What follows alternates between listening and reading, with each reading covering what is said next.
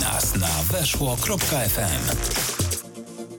Dobry wieczór. E, to jest audycja Tomy Scyzory poświęcona Koronie Kielce. Ja nazywam się Daniel Baranowski, a wraz ze mną jest Mikołaj Kęczkowski. Dobry wieczór.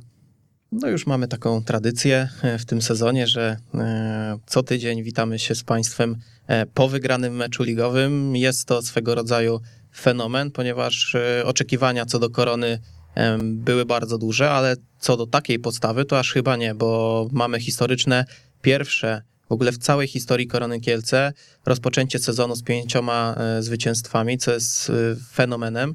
E, dotychczas tylko dwukrotnie mieliśmy taką serię czteru, czterech zwycięstw na początku sezonu, jak to wyliczył CK Sport. No i co prawda gra może nie była jakaś porywająca, mecz był bardzo ciężki, ale został po raz kolejny przepchany. No i jak wrażenia, Mikołaj, po tym pierwszym spotkaniu? Jak wrażenia? Może... Mm, Opowiemy o tym później, bo chyba mamy na linii już e, dyrektora tak, sportowego. Mamy gościa. Z nami jest Paweł Golański, dyrektor sportowy Korony Kielce. Dobry wieczór, panie Pawle.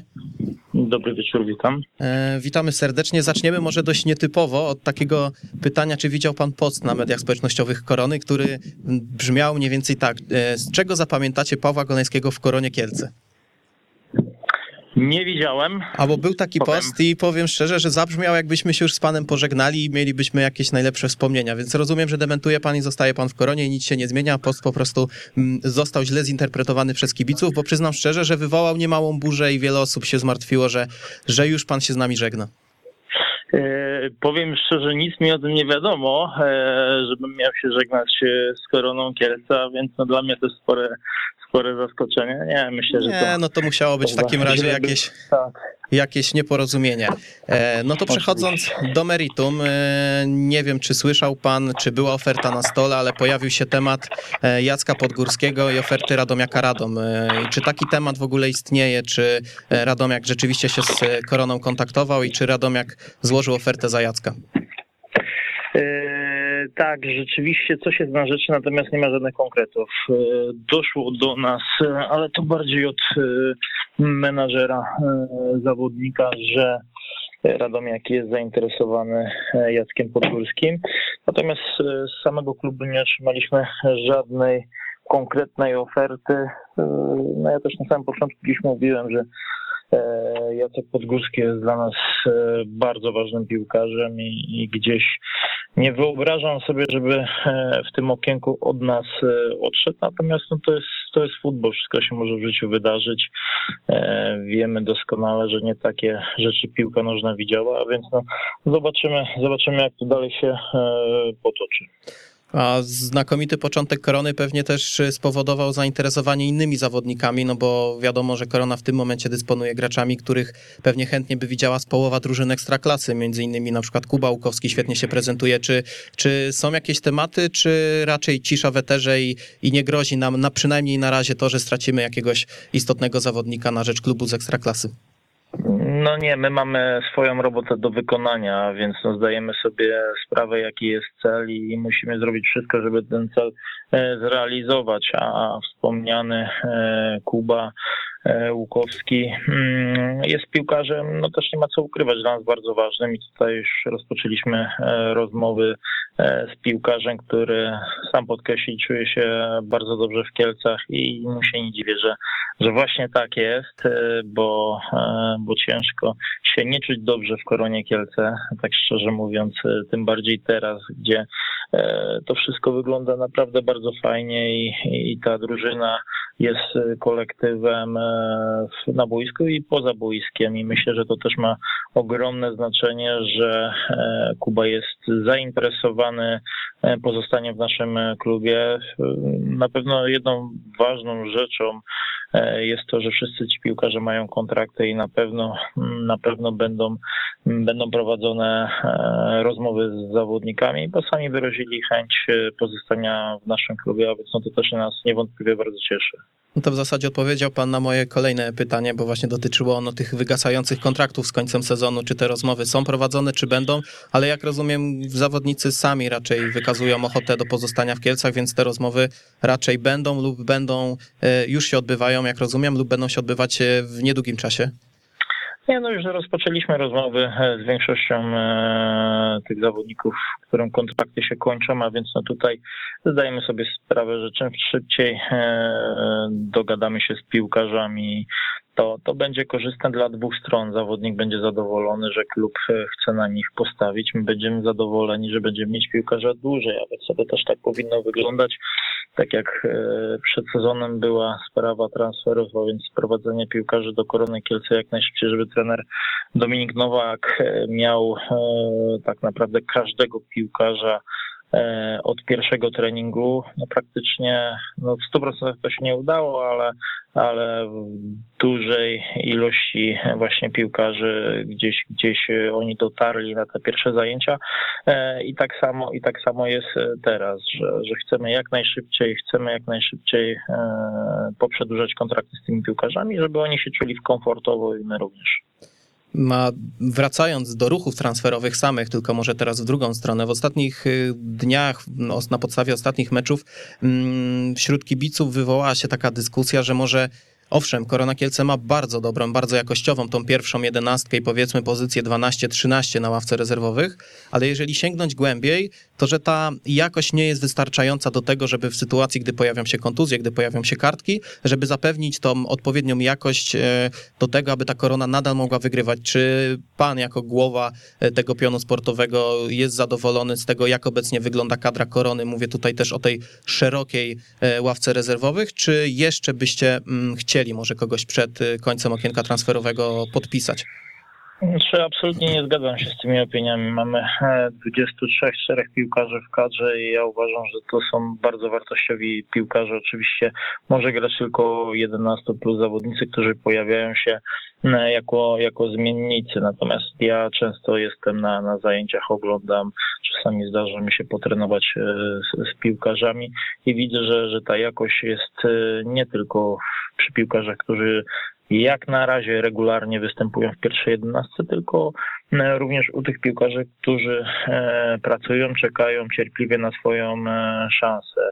Futbol to, to tak naprawdę taka, taka gra, gdzie może na boisku pojawić się 11 piłkarzy, a więc no teraz jest sztuką, żeby ci zawodnicy, którzy nie grają teraz e, ciężko trenowali i, i się nie, nie załamywali. To też e, dla mnie było niezwykle ważne, żeby takich piłkarzy e, mieć. Charaktery, którzy przy słabszej dyspozycji czasami przy wyborze trenera, który jest głową tej, tej całej układanki i on ustala skład i jeżeli postawi na tego, a nie innego piłkarza, to na następnym treningu ten zawodnik, który siedzi na ławce, czy czasami się nawet nie łapie do, do 18 ma, ma pokazać e, złość sportową na treningu, e, żeby trener już na następny mecz e, brał pod uwagę takiego zawodnika. Więc tutaj, jeżeli chodzi o jakość piłkarską tych pozostałych piłkarzy, jestem jak najbardziej spokojny i zadowolony z tego, co się wydarzyło. Ja mocno wierzę w tych piłkarzy, tak samo jak, jak cały sztab trenerski. Korona Kielce, jeżeli chodzi o, o ten pion sportowy i o cały klub, to jest jedność i tutaj wszyscy jesteśmy zgodni, że te transfery, te ruchy, e, które zostały dokonane, stworzyły bardzo fajny, fajny kolektyw. To może zapytam jeszcze z innej strony, bo wspomniał Pan o tej szerokiej ławce, 23-osobowej kadrze. Mamy tam paru młodych chłopaków, y, którzy no dość nikłe szanse mają na to, żeby zaistnieć w tym sezonie. Mówię tutaj innymi o, o Kubie Rybusie, o Oskarze Sewerzyńskim. E, wiadomo, Oskar znajduje się w tej kadrze meczowej, gdzieś tam jest brany pod uwagę, ale czy klub w ogóle bierze pod uwagę to, aby wypożyczyć tych chłopaków, aby oni, oni mogli się odgrywać, czy jednak y, trener Nowak e, wraz z panem zarządził, że młodzi zostają w koronie, i, i, walczą o ten skład i w razie jakichś komplikacji kadrowych y, będą uwzględniani w pierwszym składzie. Nie, absolutnie. Tutaj na tą chwilę e, może jeszcze dojdzie do jednego wypożyczenia. Temat się urodził bardzo E, niedawno, można powiedzieć parę godzin e, przed e, pana telefonem. Dziś tutaj rozważamy wypożyczenie jednego z młodych piłkarzy, a akurat nie ten wymieniony, a więc tak szczerze mówiąc, ci młodzi chłopcy, którzy są w naszym zespole, są to zawodnicy z dużym potencjałem. I ja bardzo mocno od samego początku, kiedy robiliśmy przymiarki do zestawienia naszej drużyny. Rozmawiałem też z tymi zawodnikami i powiedziałem, że chcę, aby byli w naszym zespole, chcę, żeby walczyli i, i to samo podtrzymuję do dnia dzisiejszego. Oczywiście to jest piłka i tak jak mówię, trener ustala skład i on decyduje, kto będzie, kto będzie grał. Jeżeli jeden czy drugi z młodych piłkarzy na to zasłuży, na pewno w podstawowym składzie lub w większym wymiarze minutowym pojawi się na boisku. Młodzi piłkarze też muszą być cierpliwi, ciężko pracować i czekać na swoją szansę. No tak jak mówię, Korona Kielce jest to zespół, który nie będzie bał się stawiać na, na młodych, pomimo tego, że, że mamy jasny cel, który chcemy, chcemy osiągnąć. Będą grali piłkarze najlepsi, którzy będą w najlepszej dyspozycji i absolutnie nie będziemy tutaj e, brać pod uwagę, e, który, który rok urodzenia, tylko wręcz przeciwnie, e, forma i tylko wyłącznie forma sportowa. To ja zapytam jeszcze o jednego młodego zawodnika. Miłosz Strzeboński bardzo zbierał pozytywne recenzje w ostatnich e, sezonach. A jakoś w tej w obrębie pierwszej drużyny ciężko go ujrzeć. Czy klub ma jakiś plan na tego zawodnika? Bo z tego co słyszałem, no to gdzieś miał jakieś propozycje latem. E, nie doszło do żadnych konkretów, ale czy Miłosz Strzeboński jest gdzieś brany pod uwagę w kontekście pierwszej drużyny korony, czy na razie Miłosz Strzeboński e, zostaje w rezerwach, a potem, e, potem może robić co chce lub ewentualnie jak się rozwinie, to dostanie szansę? Oczywiście Miłosz Szymański jest to bardzo utalentowany zawodnik. Y, jest gdzieś tam w szerokiej, można powiedzieć, kadrze. Obserwujemy tego piłkarza. E, dołącza czasami do treningów e, z pierwszym zespołem.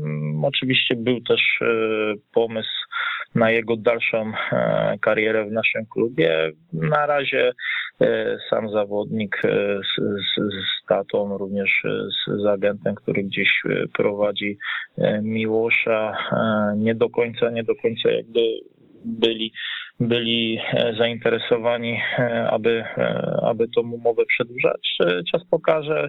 Ja absolutnie tutaj chcę też powiedzieć, że mm, zawodnicy, którzy są młodzi piłkarze, którzy są w koronie, oni też muszą, się czuć dobrze. Jeżeli któryś z nich będzie myślał o zmianie i będzie chciał, usiądziemy, będziemy rozmawiać. Ja nie chciałbym mieć w klubie piłkarzy, którzy mm, zagrają dwa, trzy, cztery, czy tam nawet dziesięć niezłych meczów, e, czy to w zespole juniorskim, czy w drugim i pierwsza myśl jaka będzie, to, to transfer. Ja chciałbym mieć e, takich piłkarzy, którzy poprzez dobrą grę e, będą wiedzieli, że otwierają się drzwi do pierwszego zespołu i chciałbym mieć takich, takich właśnie młodych, ambitnych zawodników, którzy będą chcieli się z koroną utożsamiać. Oczywiście to jest też tak, że poprzez dobrą grę w drugim zespole łatwiej jest trafić do pierwszego zespołu. Jeżeli będą się prezentować w pierwszym zespole, Korona Kielce też będzie drużyną, która e, będzie chciała tych piłkarzy dalej transferować, bo piłka nożna e, to też jest sport, na którym,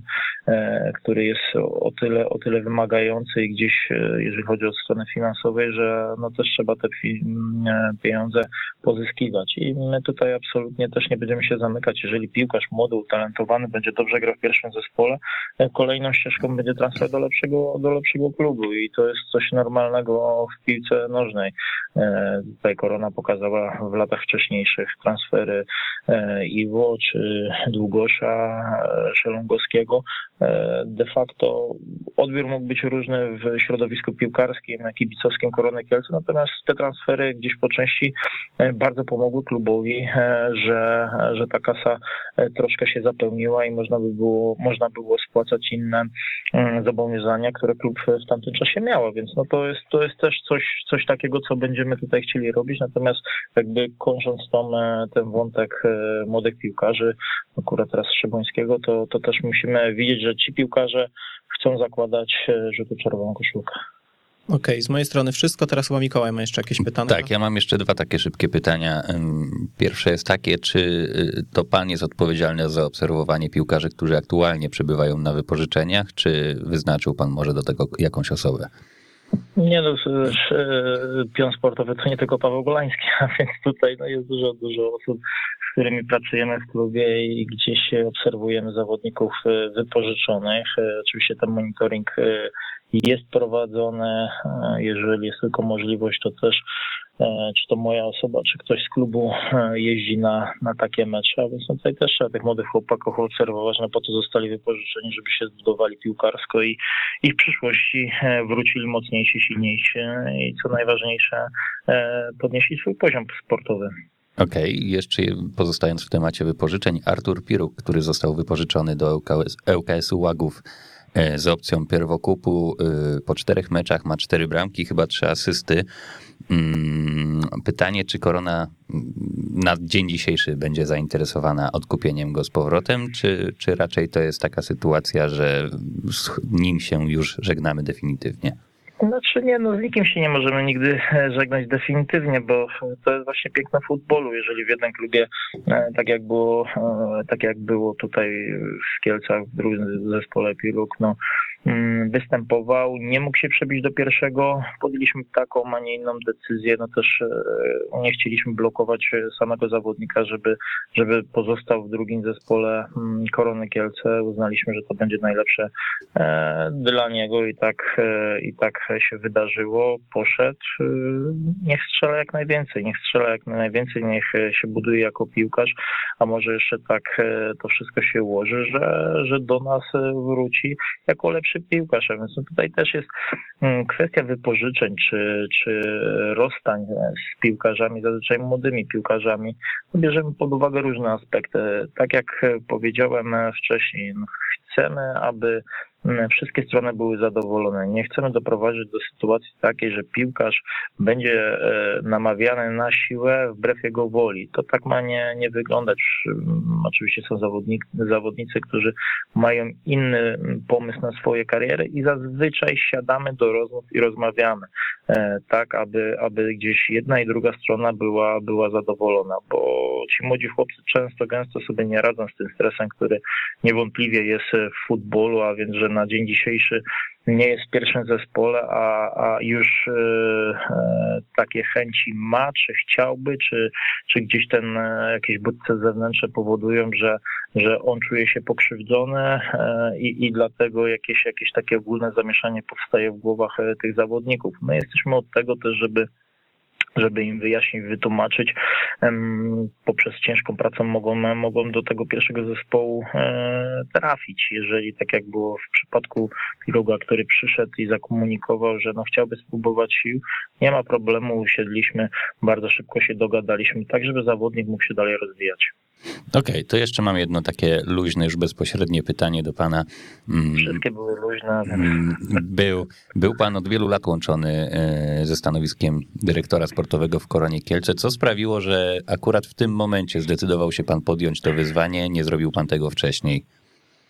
Znaczy przede konkretna e, oferta ze strony klubu. E, niewątpliwie też e, osoby Piotra Dulnika oraz prezesa Łukasza Jabłońskiego, którzy są sternikami tego klubu. Ludzie, którzy wiedzą jak zrobić, żeby w klubie było, było dobrze. Bardzo konkretne, konkretne osoby. To mi ułatwiło podjęcie decyzji, choć nie ukrywam, że to też nie była łatwa decyzja, e, ponieważ miałem inne zajęcia, które musiałem e, przerwać i, i gdzieś, gdzieś się skoncentrować na tym, aby e, w 100% oddać się Koronie Kielce. I, i, i dlatego też się troszkę zastanawiałem, natomiast tak jak mówię, sentyment do tego klubu jest tak ogromny, ja jeszcze będąc jako piłkarz niejednokrotnie gdzieś sobie w głowie to układałem, że po zakończeniu kariery będę chciał e, wrócić do Kielc i, i to się udało. Teraz zrobię wszystko, żeby ten wynik sportowy był jak najlepszy żeby przede wszystkim ta struktura sportowa była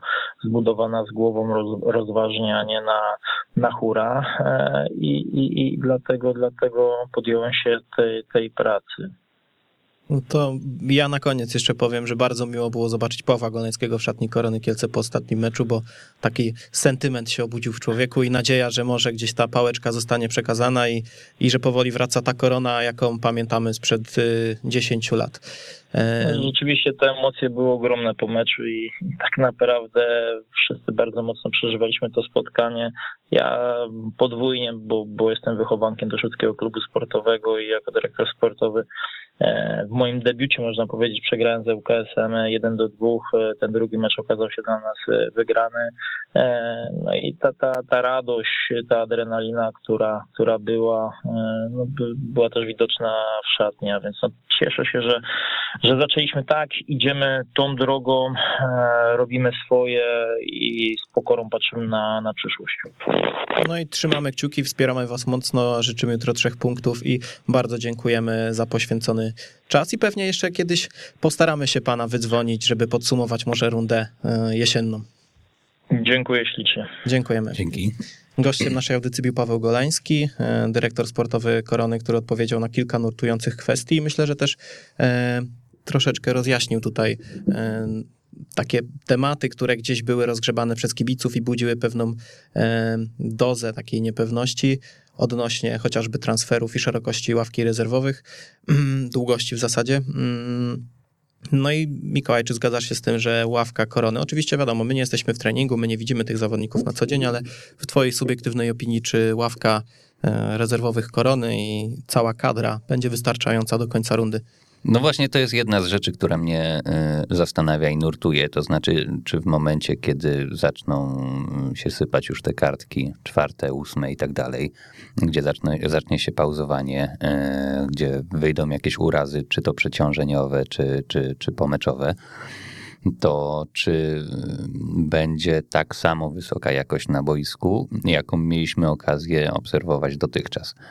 Mm, mam pewne obawy, ale no tak jak powiedziałeś, my nie widzimy treningów, tak naprawdę y, widzimy jakieś pojedyncze minuty tych chłopaków, którzy dotychczas na ławce siedzieli, więc oni też nie mogli zaprezentować pełni swoich możliwości, bo wchodzili przy konkretnym wyniku z konkretnymi zadaniami. I y, nie wiem, nie wiem, liczę na to, że jest tak, jak powiedział nam Paweł Golański, czyli mm, tutaj jakość jest bardzo dobra u, u całej, e, u, u, wszystkich w kadrze, u tych 23 e, osoba, osób. Mm, no i mam nadzieję, że tak będzie. Niemniej mam co do tego pewne, pewne obawy. Najprawdopodobniej one są związane z tym, że po prostu tych chłopaków w grze nie widziałem. Wydaje mi się, że największe obawy są związane z pozycją napastnika, no bo jest Adam Frączak, który jest niekwestionowanym numerem jeden, a w obwodzie mamy jeszcze no, Kubery Busa, który w poprzednim sezonie, jak dostawał szansę, no to nie porywał oka, trzeba sobie powiedzieć jasno. E, mamy nowo ściągniętego Mateusza Lewandowskiego, który wejścia raczej też nie ma piorunującego, ale tutaj jeszcze bym się wstrzymał, no bo jednak to jest e, to jest y, po pierwsze jeszcze dość młody chłopak, a po drugie dość świeży w drużynie, więc y, y, on tutaj potrzebuje czasu, żeby się wkomponować i być może będziemy mieli z niego pociechę. No i jest Maciek Bortniczuk, który też tam może w ataku występować, a dotychczas jeszcze chyba, jeśli się nie mylę, nie był w ogóle w kadrze meczowej, tak mi się wydaje. Więc no tutaj ten wachlarz jest troszeczkę ograniczony. Owszem, może tam zagrać Jacek Kiełb, mm, może, może zagrać Kuba Łukowski, więc jakieś alternatywy są, no ale wtedy tracimy tracimy e, tą siłę drugiej linii, czyli e, ten motor napędowy, czyli chociażby skrzydła nasze, e, które bardzo dobrze funkcjonują już od kilku, kilku miesięcy. Mm, no ale takim jednym zawodnikiem, który jest pierwszym do wejścia w momencie jakiejś kontuzji, czyli tego, co przydarzyło się Michałowi Kojowi, jest Mario Zebić. No i wszedł na mecz z ŁKS-em, bardzo ciężki mecz, bo wydaje mi się, że łódzki klub sportowy jest chyba najbardziej ofensywnie grającą drużyną w tej lidze. Bardzo miło mi się ich oglądało w ogóle, mieli bardzo duży e, potencjał z przodu. E, I jak ocenisz postawę Mario Zebicia w tym spotkaniu? Wydaje mi się, że na początku meczu było bardzo widać to, że on nie jest w rytmie meczowym. To znaczy miał jakieś takie proste błędy. Na zasadzie wsadzał tam Konrada Forenca na minę niedokładnymi podaniami ale bardzo szybko się rozkręcił i muszę powiedzieć e, za trenerem Dominikiem Nowakiem, że to był bardzo dobry mecz w jego wykonaniu. I jeśli Michał Koj będzie w pełni sprawny na jutrzejsze zawody, to, to na pewno będzie bardzo trudna decyzja, żeby Mario Zebicza na Czy na postawić. konferencji dzisiejszej trener powiedział, że Michał Koj, jeżeli będzie w pełni sił, to zagra w tym spotkaniu. No więc właśnie mówię, że to będzie... była ta podstawa i że tak naprawdę trener nie ma podstaw do tego, żeby Michała Koja od tego składu odstawić, bo on po prostu wygrał tą rywalizację w, podczas okres- okresu przygotowawczego, a teraz po prostu nie zagrał z powodu drobnego urazu. I, i, i trener zapowiedział, początkowo tam było takie wahanie, że może Mario, może Michał Koj, ale zdało się wywnioskować, że, że Michał Koj rozpocznie obok Piotra Malarczyka jutrzejsze spotkanie, jeśli będzie zdrowy. Tak, i, i dlatego mówię, że to na pewno będzie dla trenera trudna decyzja, żeby Mario Zebicza po bardzo dobrym meczu yy, posadzić na ławce. My, to może trochę tak śmiesznie brzmieć, ale my patrzymy na postawę Mario Zebicza trochę w, jednak przez pryzmat zeszłego sezonu i Myślę, je, jego hobby w zbieraniu żółtych kartek. Pryzmat pierwszej części rundy wiosennej, bo druga już była zupełnie inna. Jak Mario Zebic zaczął grać na innej pozycji. Mario Zebic w momencie, kiedy miał pasę chyba siedmiu meczów z żółtą kartką, jeśli mnie pamięć nie myli, to potem chyba nie miał ani jednej lub jedną do końca sezonu, a grał w tych spotkaniach, więc tam naprawdę zaszła duża zmiana, jeżeli chodzi o jakość tego zawodnika. Już nie było takich głupich fauli, e, nie było prokurowania rzutów karnych i uważam, że ogólnie na samym początku był dość elektryczny. Ja dostałem chyba od trzech osób y, wiadomość na Messengerze y, sugerującą właśnie, że jest elektryczny, czy to jakąś emotkę, czy wprost było napisane, że bardzo elektrycznie gra i to było spowodowane tym, że gdzieś wykonał jakiś ślizg na wysokości połowy piszczeli lub y, kolan, y, gdzieś tam ryzykownie podał do, do, do innego obrońcy, do bramkarza y, i nawarstwiło się kilka takich zagrań, które w ostatecznym rozrachunku nie były niczym złym, bo, bo nie zakończyło się to bramką, nie było faulu na żółtą, czerwoną kartkę, więc nie ma się tutaj do czego przyczepić. Po prostu była, były to zagrania na bardzo dużym ryzyku i budziły pewien niepokój wśród kibiców Korony, ale z biegiem czasu e, Mario Zebić e, troszeczkę e, ochłonął, złapał tego luzu, bo on też nie był w rytmie meczowym, trzeba sobie powiedzieć jasno, więc że nie jest łatwo wejść do, do, do, do defensywy w momencie, kiedy od czterech spotkań nie grasz w ogóle i wchodzisz nagle na takiego rywala jak ŁKS, bo tak jak mówię, no dla mnie to jest jedna z bardziej ofensywnie grających drużyn w tej lidze i bardzo mieli duży luz w kreowaniu tych swoich sytuacji. Pirulo tam kręcił nieprawdopodobnie. No co prawda jakichś konkretów z tego ostatecznie nie wyszło, nie wyszły żadne konkrety z tego, ale, mm, ale duży sprawdzian i wydaje mi się, że też dający Mario Zebiciowi szansę na to, żeby żeby patrzeć z optymizmem w przyszłość, bo te kartki na środku obrony na pewno przyjdą i, i wychodzi na to, że Mario Zebić jest w tym momencie przed Przemysławem Szarkiem w wyścigu o, o, o to pierwsze miejsce na ławce rezerwowych na środku obrony. No tak, tym bardziej, że Przemysław Szarek e, świeżo co wrócił po kontuzji do osiemnastki i mm, no samo przez się mówi to, że, że, że Mario Zebicz jest jednak e, tym pierwszym wyborem w razie potrzeby. E, ale tak jeszcze wracając do tego, że trudno na pewno mu było wejść bez rytmu meczowego, no to zauważmy, że to z tego co się orientuje, jedyne ogniwo tak naprawdę wymienione w składzie Korony na meczu z ŁKS-em. Cała reszta wyszła tak jak w pierwszym i drugim bodajże meczu, tak? Tak, tak, tak. No, tam jedyna, jedyne dwie zmiany, jakie mi przychodzą do głowy, no to był Mateusz Lewandowski w Olsztynie i Dzwonek chyba wszedł.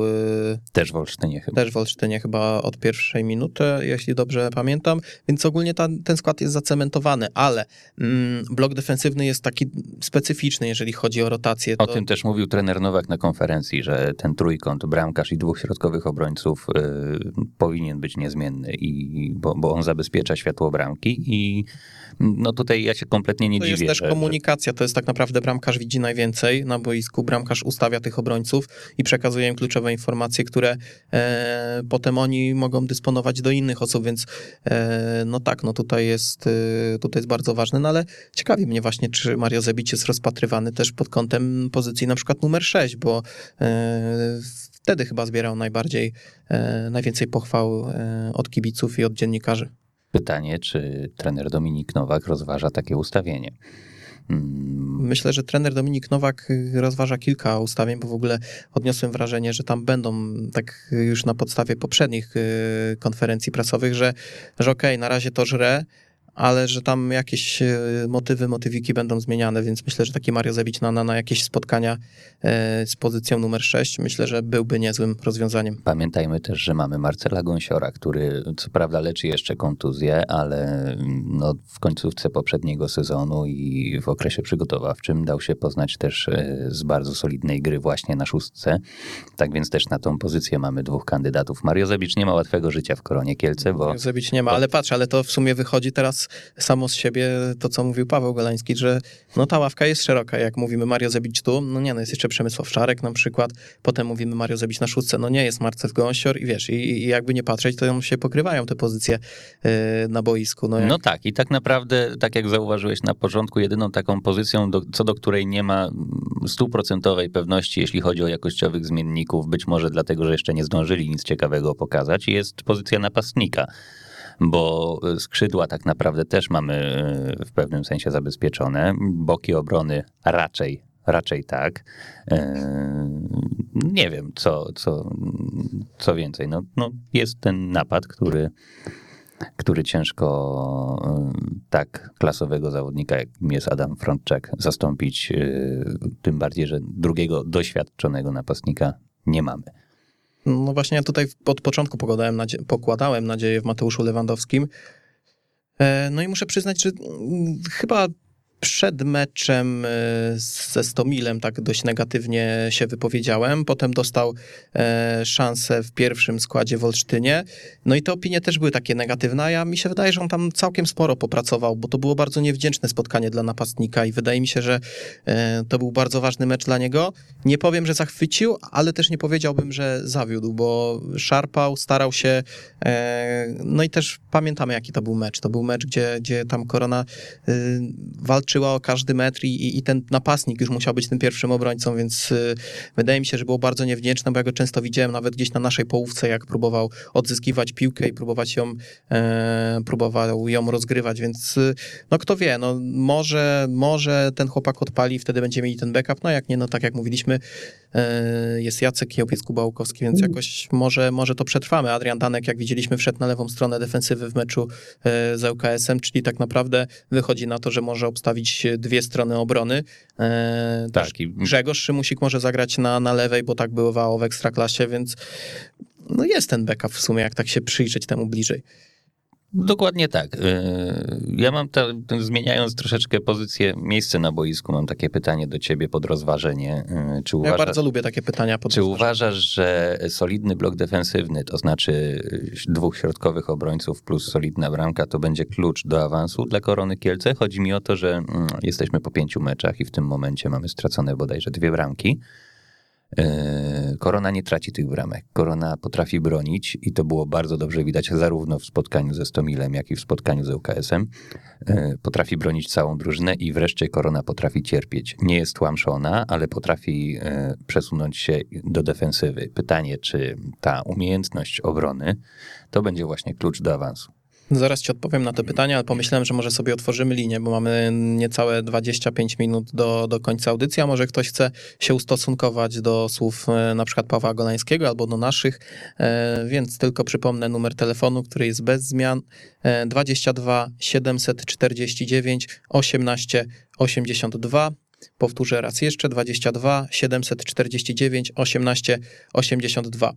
Odpowiadając na twoje pytanie, mm, mam tutaj pewne wątpliwości e, co do tego, czy Korona Kielce potrafi bronić, czy przypadkiem nie jest tak, że Konrad Forenc potrafi bronić, bo jak sobie przypomnę te mecze, yy, których rozegraliśmy pięć, no to chyba w trzech E, Konrad Forenc był najlepszym zawodnikiem i to rywale mieli bardzo dużo tych okazji bramkowych, czyli jednak blok defensywny dopuścił do tego, żeby taka sytuacja miała miejsce. W meczu z ŁKS-em były bodajże dwa słupki naszych rywali, e, no i tam też kilka takich interwencji e, klasa światowa naszego bramkarza, więc mm, owszem, uważam, że względem poprzedniego sezonu blok defensywny gra gdzieś dwa, trzy, cztery razy lepiej, ale nadal to jeszcze nie jest taki monolit i te błędy się zdarzają, bo, bo, bo nawet pamiętam kilka takich, e, kilka takich zagrań, e, które mogą być też efektem tego, że po prostu e, taka, takie rozkojarzenie się troszeczkę e,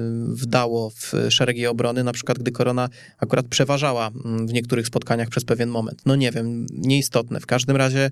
Mm, Blok defensywny na pewno będzie mocnym punktem i uważam, że będzie kluczowym punktem w kwestii awansu, bo yy, jakoś tak mi się zawsze kojarzy, że no znaczy wiadomo, to jest takie już spowszedniałe powiedzenie, yy, że drużynę buduje się od tyłu, a dopiero potem dokłada cegiełki z przodu. Yy, wydaje mi się, że tak, defensywę mamy zbudowaną bardzo dobrze, przód też mamy zbudowany solidnie, z przodu brakuje jeszcze trochę konkretów, bo e, no, tych okazji wielu nie mamy. Owszem, kreujemy sobie kilka sytuacji na mecz, ale to nie jest taka e, zatrważająca ilość, która po prostu e, powoduje zasypanie naszych rywali gradem strzałów i okazji bramkowych, bo z OKS-em, jeśli mnie pamięć nie myli, no to mieliśmy chyba dwa, dwa strzały celne. Dwa strzały celne, no i jedna setka Łukasza Sierpiny. No tak, tak mi się wydaje. No ale niecelny to. No niecelny, ale tak mówię o takich sytuacjach bramkowych, że, że mogliśmy się pokusić o to, żeby e, zdobyć bramkę. Więc tutaj jest pewien mankament. Jeżeli chodzi o defensywę, no to Konrad Forenc, e, no po prostu forma nieprawdopodobna, a wydaje mi się, że nie przychodził tutaj jako bramkarz numer jeden. Też mi się tak wydaje, bo Jakub Ozobiński y, w, tych, y, w tym okresie przygotowawczym nie był brany pod uwagę jako pierwszy bramkarz. Z tego co kojarzę, z tym y, teoretycznie na papierze silniejszym składem wychodził Marceli Zapytowski, a w momencie, a w momencie kontuzji Kuby Osobińskiego został w jego miejsce tak naprawdę ściągnięty Konrad Forenc. No i właśnie tutaj pojawia się pytanie, czy twoim zdaniem większym wzmocnieniem Korony Kielce jest Konrad Forenc, który broni nam mecze, czy Adam Frączak, który strzela te bramki? Hmm, powiem tak, jeżeli chodzi o jakość bezpośrednio pokazywaną na boisku, w tym momencie Konrad Forenc. Z tym, że jeżeli ocenimy sobie pozycję numer dwa na adekwatnych pozycjach tych zawodników, to ważniejszym ogniwem w tym momencie wydaje mi się Adam Frączak. Nie wiem, czy zrozumiałeś tą tak, zależność. Tak, tak. Chodzi mi o to, że gdyby Konrad Forenc y, nie trafił do korony, powiedzmy Kuba Osobiński by nie był kontuzjowany, no to czy Kuba, czy Marceli y, nie, nie, nie obniżyliby, o ile w ogóle by obniżyli, bo też nie możemy tak mówić, bo oni nie dostali tej szansy, nie obniżyliby tego poziomu o tyle, o ile uważam, że byśmy stracili jakości z przodu, bo mm, ja cały czas powtarzam, owszem, Adam Frączak ma trzy gole, jeśli mnie pamięć nie myli teraz w tym sezonie, tak? Bo strzelił e, dwa z puszczą chyba, e, Trzy albo cztery. Trzy. Moim zdaniem ma trzy bramki z Kubą Łukowskim egzekwo. Więc y, no to nie jest w pięciu meczach to jest ok bilans, e, ale w tych spotkaniach e, tak, bo jeszcze z Jastrzębiem strzelił e, jedną chyba. Momencik. Dobra, no to ja kończę. E, więc y, tutaj mamy pewien taki e, może nie wybitny wynik bramkowy, ale bardzo solidny, tylko ja zaznaczam po raz kolejny, że Adam Frączak to nie jest y, gościu, który będzie e, lutował co mecz trzy bramki i, i zamykał nam spotkania, tylko to jest gościu, który haruje, który cofa się po piłkę, który schodzi do różnych stref, robi miejsce innym zawodnikom i on ma taką bardzo niewdzięczną też funkcję i bardzo robi dużo czarnej roboty, więc. Y, o, Ale to widać też, to widać, tak, jak on jest, pracuje, jak robi miejsce kolegom. Tak, dokładnie tak, o to chodzi. O to chodzi, że, że jakościowy zawodnik z przodu to nie jest tylko jakość, którą on daje, tylko też to, ile daje miejsca innym poprzez to, że inni rywale muszą się na nim skupiać. Więc no tutaj wydaje mi się, no tak jak mówiłem, że jeżeli jakościowo w tym momencie jednak wyżej bym postawił Konrada Forenca w tych meczach, jeżeli ocenimy czysto postawę sportową, ale całościowo, jeżeli byśmy mieli kogoś wyjąć ze składu, to wydaje mi się, że większą stratą byłby Adam Frączak. Dobrze pamiętałeś. O po trzy bramki mają zarówno Adam Frączak, jak i Kuba Łukowski.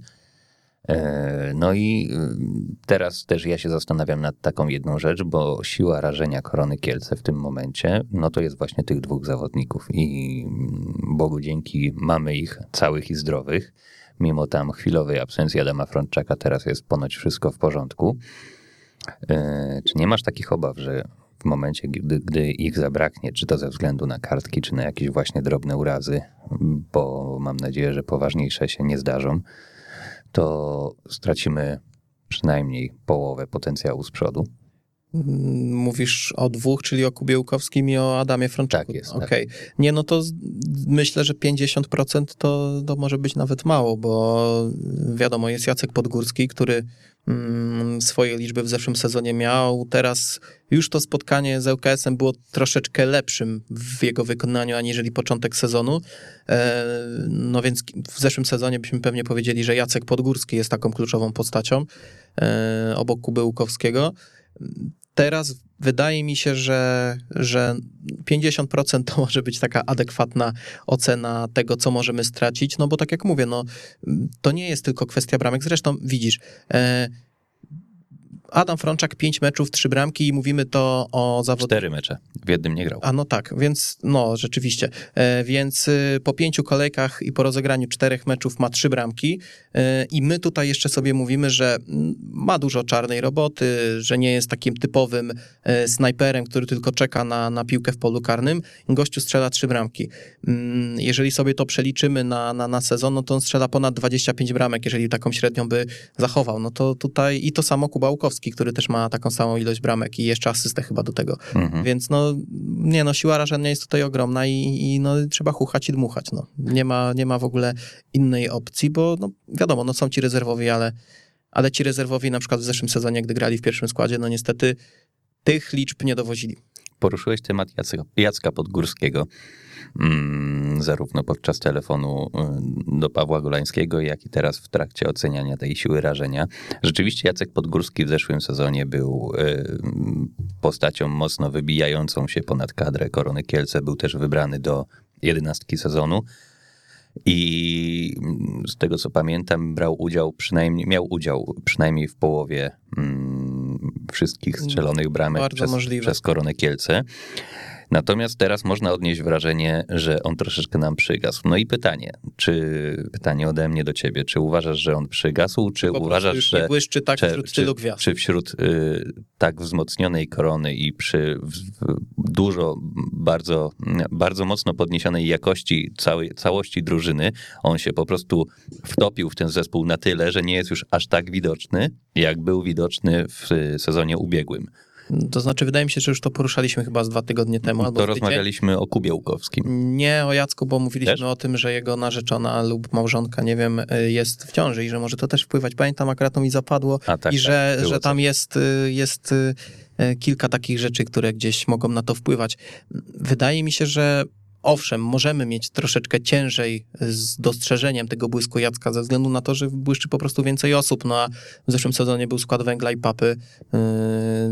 Bolały zęby od patrzenia na grę, na poszczególnych zawodników właśnie spoza, e, z małymi wyjątkami takimi jak Jacek, E, więc e, możliwe, że jest to troszeczkę takie przekłamanie względem tego, co było, a tego, co jest teraz. Mm, Natomiast brakuje mi trochę tych przekładanek Jacka. Wiadomo, one mają miejsce, ale to już nie jest tyle. Brakuje tych dośrodkowań, których wydaje mi się, że było więcej. Ale tak jak mówię, to też może być spowodowane tym, że teraz na przykład do, do, do rzutów rożnych czy do rzutów wolnych też podchodzi Łukasz Sierpina, e, który notuje też bardzo dobre liczby. E, No i przez to też te liczby Jacka spadają. No, ale wydaje mi się, że Jacek trochę odzyskał takiej świeżości i tak jak mówię, w tym meczu z ŁKS-em już, już było bliżej tego, do czego Jacek mnie przyzwyczaił.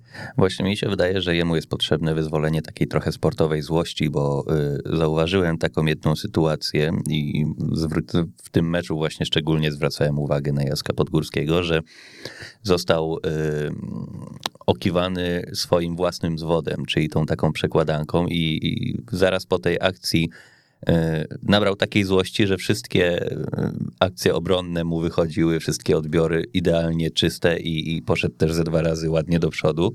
Więc może też trochę o to chodzi, żeby mm, wyzwolić w nim jakąś taką złość, motywację do tego, żeby, żeby ciągnął, bo też może być tak, że w zeszłym sezonie on czuł trochę większą odpowiedzialność za ten zespół, będąc mm, lepszym jakościowo piłkarzem na tle drużyny. W tym momencie się wkomponowuje i może nie czuje takiej presji mm, na sobie, żeby ciągnąć tą drużynę za uszy dalej. Może to jest właśnie sposób na Jacka, żeby, żeby takie coś w nim zaszczepić. No jeżeli mówimy o sportowej złości, to może też się do tego przyczyniło to, że w meczu w Olsztynie zasiadł na ławce rezerwowych po raz pierwszy od dawna i dostał 25 minut od trenera Nowaka i może to było takie pokazanie palcem, że słuchaj Jacek, no, no, no, no nie, nie jest top forma i, i musisz e, troszeczkę wsiąść się za siebie, pokazać więcej wszedł w Olsztynie, teraz dostał szansę od pierwszej minuty ponownie i może to też spowodowało, że yy, no troszeczkę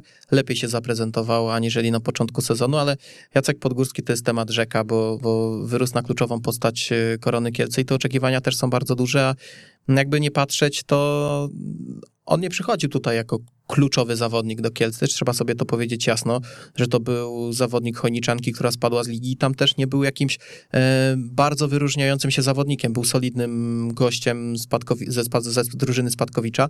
I tyle, no u nas odpalił i może też troszeczkę za bardzo próbujemy oczekiwać od niego mm, jakichś fajerwerków, y, gdzie po prostu on jest solidnym zawodnikiem, nie wiem, masz takie, może takie masz e, odczucia też jak ja, że może rzeczywiście delikatnie go, e, delikatnie za dużo od niego wymagamy. Ja miałem, ja miałem takie odczucie, że um, jak on tak odpalił właśnie, że to jest coś niesamowitego i myślę, że właśnie spora część kibiców Korony Kielce przyzwyczaiła się do tego, że, że właśnie Jacek jest zawsze wyróżniającą się postacią i zawsze efektownie mm, gdzieś tam między zawodnikami z piłeczką sobie przechodzi, czy też w tych sparingach przedsezonowych e, bramkę, którą strzelił, jaką się zabrał wtedy mm, naraz z obrońcą i bramkarzem i dołożył tylko nogę. E, no technikę ma niebywałą, ale może tak być, że przyzwyczaił nas po prostu do tego, że zawsze jest top i w momencie, kiedy jest y, troszeczkę, nie wiem, być może inna jego rola w zespole, być może trochę słabsza forma, e, to wszyscy zwracają uwagę właśnie na to, że już tak nie błyszczy.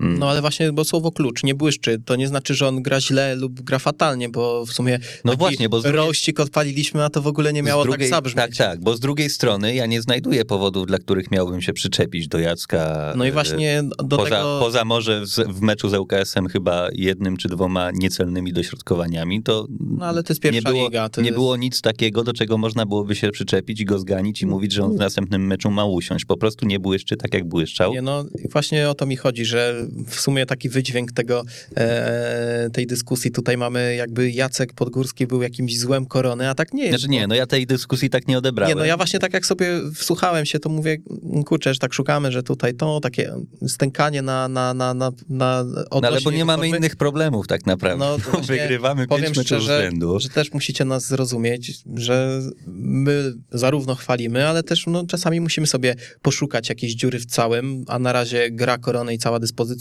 można powiedzieć, powiedzieć, że jest tym całym i my musimy gdzieś sobie poszukać jakichś minusów, bo... Jak tak dalej pójdzie, to będziemy narzekać na to, że pod Suzuki Areną nie ma gdzie zaparkować godzinę przed meczem, bo już takie problemy się zaczynają i, tak, i do i... niczego innego się nie będziemy mogli przyczepić. No. no właśnie, wywołałeś temat frekwencji, temat zainteresowania meczem. Jak wrażenia po, po wizycie sobotniej na Suzuki Arenie?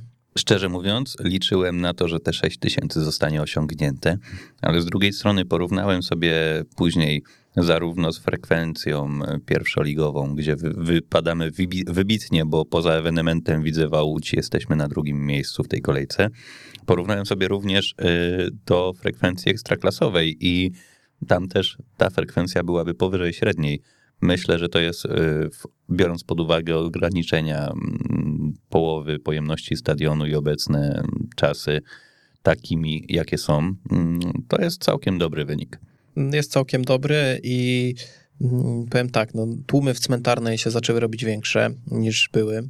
E, kolejki przed kasami i przed y, kołowrotkami zaczynają się robić większe. E, sam wygląd trybun wydaje się dużo lepszy aniżeli był, no bo wiadomo, frekwencja też była wyższa, no to, to jest logiczne, ale chodzi o takie odczucie tego stadionu, bo dotychczas bywało tam te 4-4,5 tysiąca widzów i czuło się taką pustkę. Teraz, jak obserwowałem trybuny i było blisko 6 tysięcy ludzi, to robiło znaczną różnicę. Do tego kibice gości, no to wiadomo, to zawsze pomaga w odbiorze tego spotkania, chociaż wydaje mi się, że kibice UKS-u mogli się zaprezentować trochę lepiej, bo, bo w drugiej tak. połowie i, i ja ogólnie lubię gdy kibice gości zjawiają się w Kielcach, gdy można sobie posłuchać innych, nawet nie do końca lubianych, y, abstrahując od ŁKS-u, ale mówię to o całokształcie, e, nie do końca lubianych drużyn, e, ale zawsze to daje taki klimacik. I ten ŁKS trochę mnie zawiódł, no ale nieważne. Daje też motywację dla kibiców e, korony tak. do tego, żeby dopingować głośniej, Tak, zagłuszyć ich, tak? Tak, tak, dalej. tak. Aczkolwiek też muszę powiedzieć, że no, frekwencja na młynie jakaś powalająca nie była, ale jakość w ogóle e, dopingu, Niesamowita. e, względem tego, co było, no to przepaść. I kurczę, tak wszystko mi się to zaczyna dobrze sklejać w całość i ja zawsze w takich momentach mam pewne obawy, Mówię, co zaraz musi się zepsuć, bo frekwencja wzrasta, zainteresowanie koroną wzrasta, e, punkty wzrastają. E, w ogóle taka otoczka meczowa, czyli widać ludzi na mieście, którzy idą na mecz, wracają z tego meczu, potem gdzieś na, siadają sobie w ogródkach w barwach korony.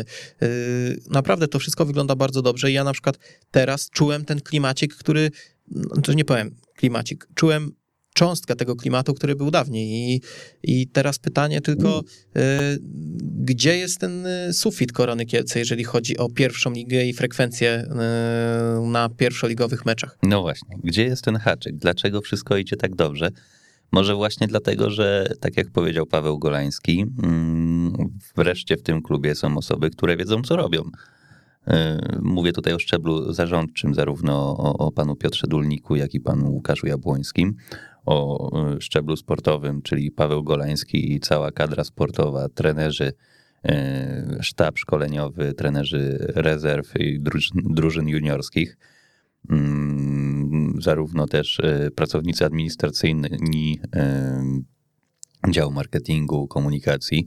Zaczyna to trybić. I ja powiem szczerze, wtrąciłem ci się, ale tak powiedziałeś o tym marketingu, ja już ich chwaliłem ostatnio, że mi się po prostu podoba to, co widzę, czyli podobają mi się media społecznościowe, podobają mi się mm, różne akcje, no takie mniejsze, większe, cały czas coś się dzieje i no i teraz y, gdzie jest ten haczyk? Dokończ, bo Właśnie być może jego nie ma. no właśnie... Być tak, może to ja będzie powiem po ci, prostu tak działało. Powiem ci szczerze, że wydaje mi się, że go nie ma. No, chyba, że nie wiem, wszedłbym do działu księgowości i zobaczył rachunki, może tam coś się nie zgadza, bo na to nie mamy, e, do tego nie mamy wglądu i może... Mamy do tego wgląd, ale dopiero po sezonie, po złożonych sprawozdaniach. Także No, mówię w obecnie, momencie, jak jest, jest tam... jak jest teraz. No i kurczę, no tak szukam, szukam, no i nie ma. No nie wiem, chyba jedynym, nie no, nie ma haczyka. No, chciałem powiedzieć, że jedynym haczykiem y, są, jest postawa rezerw, ale to nie jest haczyk, to jest zupełnie inna... Żaden haczyk. To jest, zup- no właśnie o to chodzi. Tak szukałem już na siłę, ale, ale Znaczy, przeszarżowałem. no fajnie jest, kurczę, też... y, Ja się nie czuję wiem, z tym nieswojo. Ja się czułem szczerze. na przykład bardzo dobrze po meczu, jak poszedłem sobie e, w okolice centrum miasta gdzieś tam popiwkować i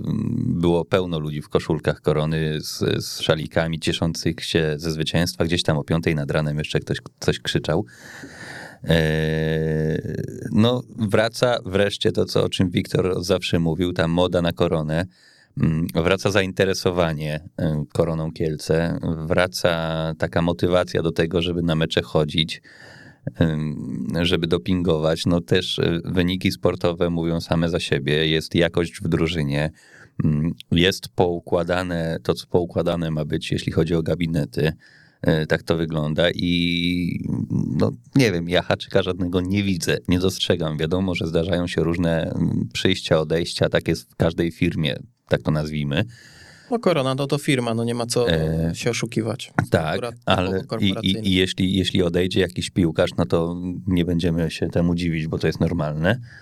Yy, No i co tu więcej powiedzieć? Jeszcze wracam, wrócę tylko szybko, bo dostałem informację, yy, mówiłeś, że na młynie frekwencja nie była jakaś powalająca, to była maksymalna dostępna frekwencja Nie, na ale to nie, znaczy nie o to chodzi, bo frekwencja na młynie to jedno, a ilość osób, które tam się zjawiają na tym sektorze to drugie, bo e, zawsze ten młyn był nabity i było tam więcej osób niż miejsc na trybunie, nieważne.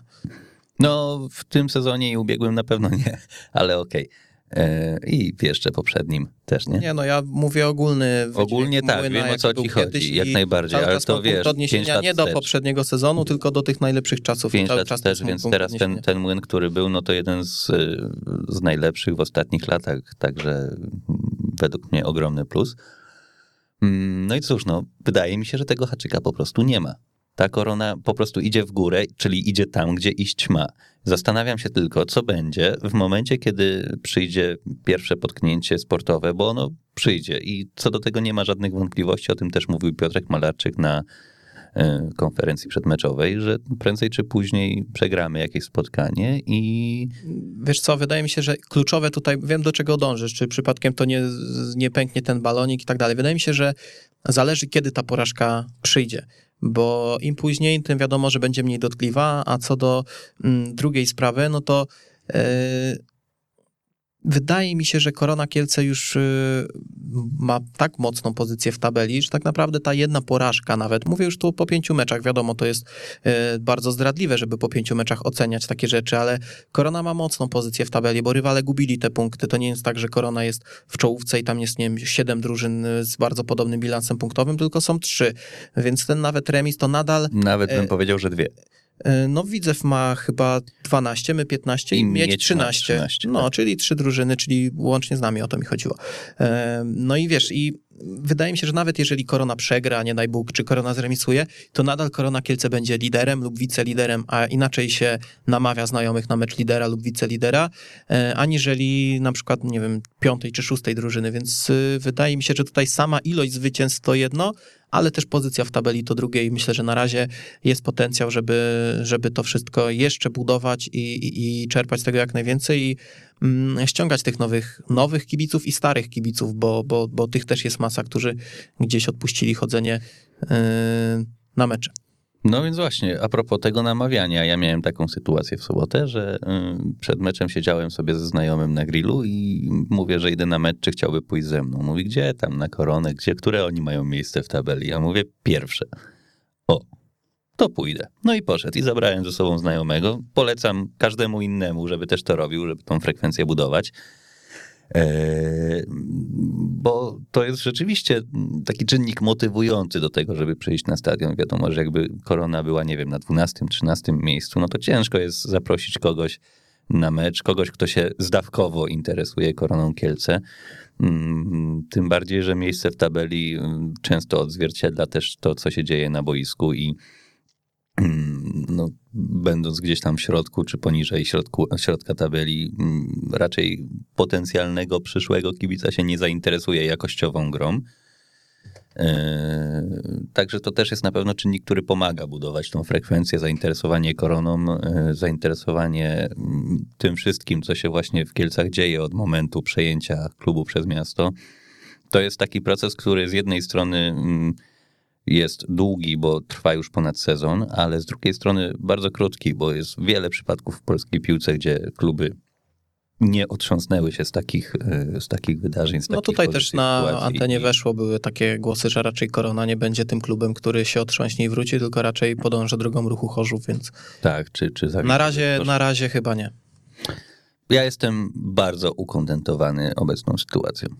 Ja również jestem ukontentowany obecną sytuacją, a mm, dostałem też wiadomość, że jak na, skoro nie chodzę na młyn, to żebym się nie wypowiadał i w sumie y, moja buzia została zamknięta. Może kiedyś wrócę i wtedy będę mógł się wypowiadać na temat frekwencji na młynie i jakości dopingu, ale chwaliłem, żeby nie było. E, Spróbowałbyś skrytykować. chwaliłem.